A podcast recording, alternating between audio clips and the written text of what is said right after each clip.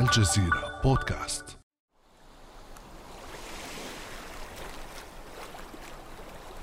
صبيحة الثامن عشر من مايو عام 1913 كانت نسائم البحر الأبيض المتوسط تداعب عمامة فارس النصف الملثم في محيط مدينة درنا الليبية. عشرات الجثث في الميدان ببزات عسكرية رمادية دخان يتصاعد من هياكل سيارات تحترق. ورجال على خيولهم يحملون بنادق خفيفة. للتو فقط فرغ المجاهد الليبي عمر المختار من معركة فاصلة مع جيش الاحتلال الإيطالي وهو يجهز لإرسال الأخبار إلى قاعدة المقاومة في واحة الجغبوب الواقعة تحت السيادة المصرية. عام 1925 وقع وزير المستعمرات البريطاني ألفريد ميلنر ووزير الخارجية الإيطالي فيكتور سالوجا اتفاقية تعطي السيادة على الجغبوب لإيطاليا مقابل سيادة مصر على واحة سيوة وبعد سنوات أخرى انتهت قصة الاحتلال الإيطالي لليبيا واستمرت قصة الحدود المصرية الليبية حتى وصلت إلى أيام صفقة القرن فما هي العلاقة بينهما؟ بعد أمس من الجزيرة بودكاست أنا خديجة بن جنة.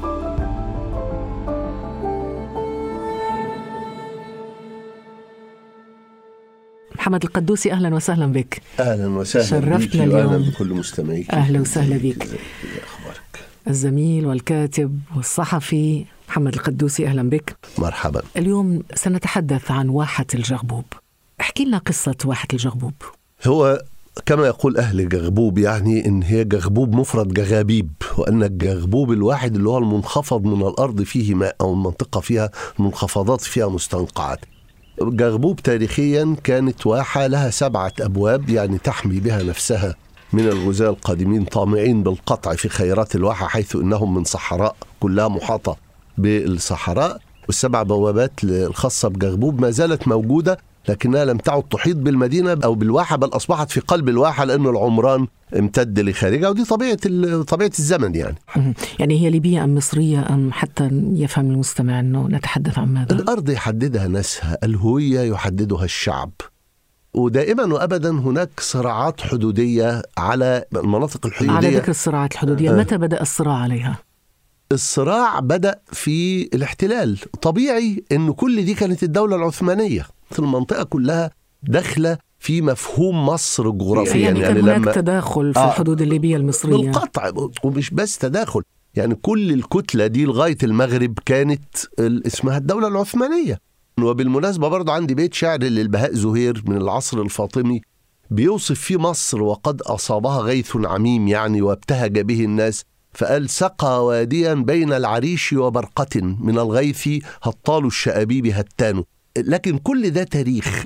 هناك جغرافيا وهناك تاريخ. الدكتور جمال حمدان رحمة الله عليه بيقول إن الجغرافيا هي التاريخ في حالة ساكنة والتاريخ هو الجغرافيا في حالة سائلة حالة متحركة لسه ونحن بيتحرك الآن أمام حالة تتداخل فيها يتداخل الجغرافيا والتاريخ معا. لكن التاريخ ليس شاهدا على الجغرافيا. الجغرافيا يحددها ناس البلد. أهل جغبوب بيعتبروا نفسهم جزء مما يعتبر أهل طرابلس. مش جزء مما يعتبر أهل القاهرة. كانوا سنوسية مثلا. فالحركة السنوسية هي حركة تنتمي إلى ليبيا بمفهومنا اليوم ولا تنتمي إلى مصر بمفهومنا اليوم. طيب كيف جاءت إذا اتفاقية 1925 ماذا حدث بموجب هذه الاتفاقية؟ كان مصر محتلة من بريطانيا وكانت ليبيا محتلة من إيطاليا. إيطاليا ساعدت الحلفاء في الحرب العالمية الأولى وحسب الاتفاق مع الحلفاء ينبغي أن تحصل على بعض المكاسب بعد ذلك اتفقت معهم على توسيع مستعمراتها في برقة وفي الصومال. أحمد زوار باشا محافظ الإسكندرية ثم رئيس الوزراء. كان رئيس وزراء في ذلك الوقت خد أمر من المستعمر البريطاني إن هو يوقع على التنازل عن الجغبوب والكفرة أيضا لإيطاليا. يعني بموجب الاتفاقية تستلم مصر واحد سيوة وميناء السلوم وتستلم إيطاليا واحد الجغبوب واحد الجغبوب والكفرة أيضا كانت من ضمن الاتفاقية. عايز أقول لحضرتك إنه مثلا كان أسباب إيطاليا لإنها عايزة تاخد الجغبوب إيه؟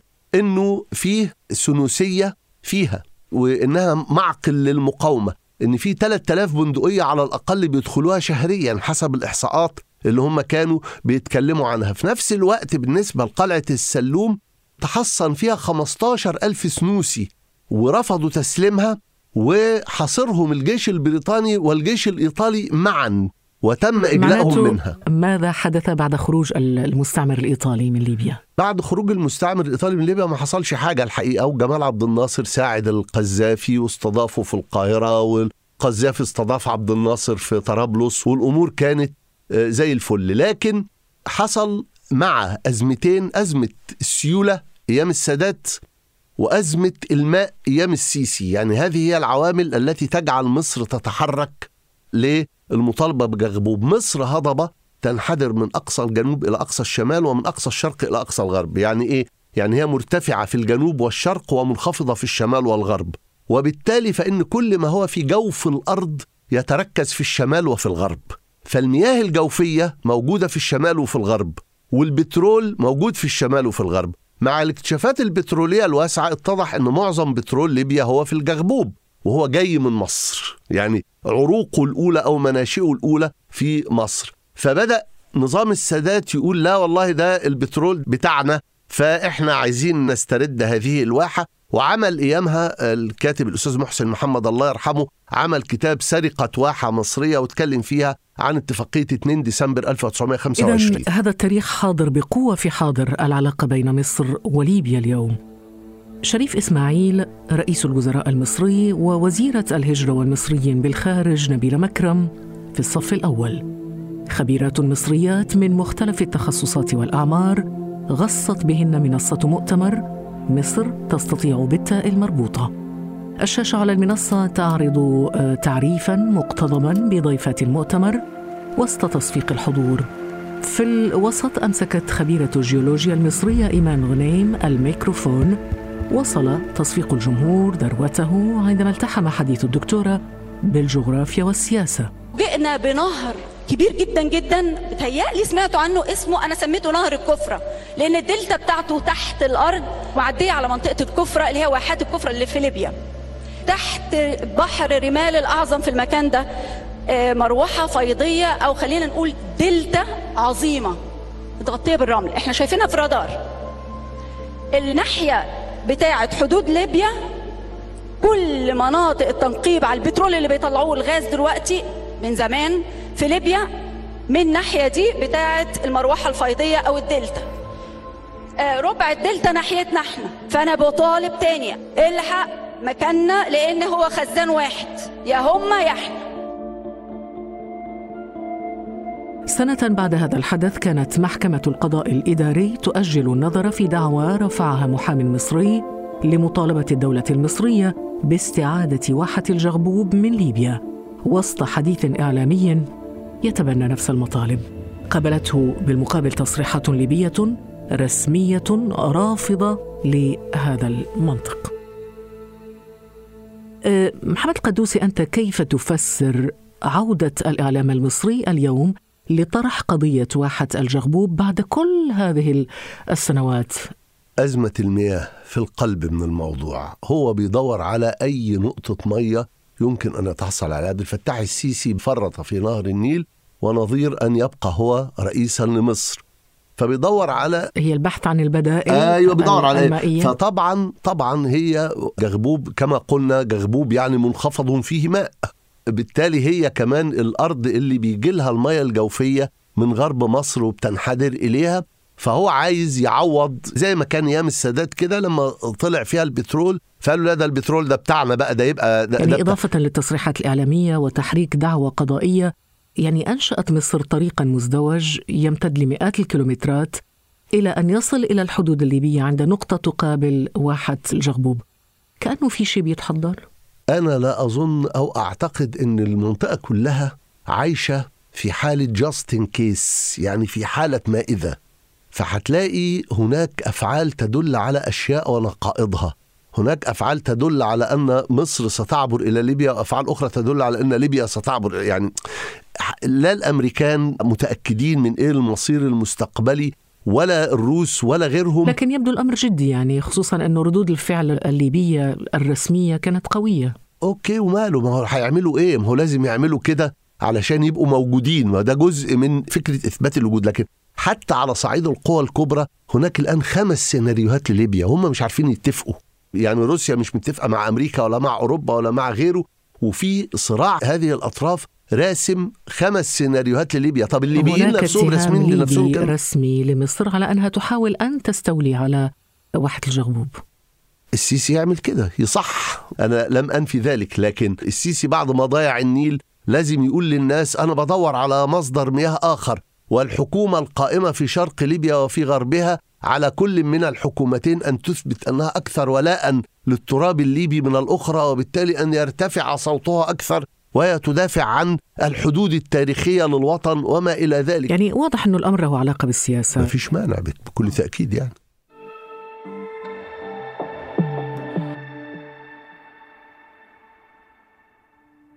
ابدأ بالاستماع الآن ولا تنسى تفعيل زر الاشتراك الموجود في تطبيقك لتصلك حلقاتنا اليومية فور صدورها.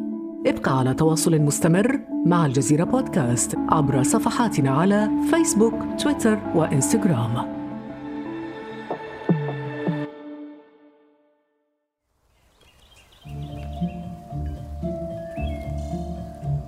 إيفانكا وهي بنظارتها الشمسية وشعرها الطائر خلفها. في مشهد يوحي بسرعة سيرها إلى الأمام طبعت صورة إيفانكا ترامب مع زوجها جاريد كوشنر على غلاف أسود لكتاب نقش عليه بخط ذهبي عبارة شركة كوشنر. تنظر الكاتبة فيكي وارد في كتابها إلى صفقة القرن على أنها خطة لا تقف عند حدود فلسطين بل تمتد إلى كل الدول العربية. ووفق كتاب فيكي وورد سيمنح الأردن للفلسطينيين بعض الأراضي على أن تتنازل السعودية عن بعض أراضيها بينما تحصل السعودية على جزيرتين من مصر دون معرفة ما ستحصل عليه.